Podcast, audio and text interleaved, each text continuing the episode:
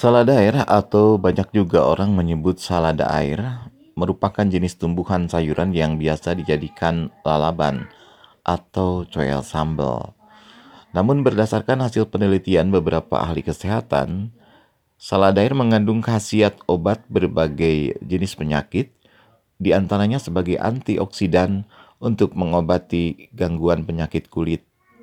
Selain itu, tumbuhan jenis sayuran tersebut bermanfaat untuk melancarkan saluran pencernaan dan hipertensi.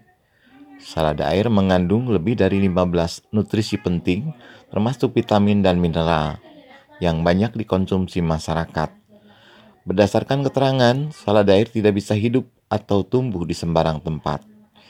Ia hanya bisa bertahan hidup di daerah dataran yang memiliki iklim dingin serta membutuhkan air bersih yang memiliki kandungan bahan organik yang cukup banyak dan tanah berbatu.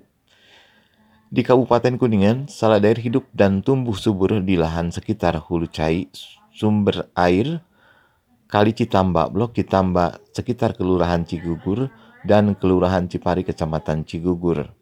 Memang, lahan di sekitar sumber air tersebut memiliki potensi air bersih serta lahan berbatu.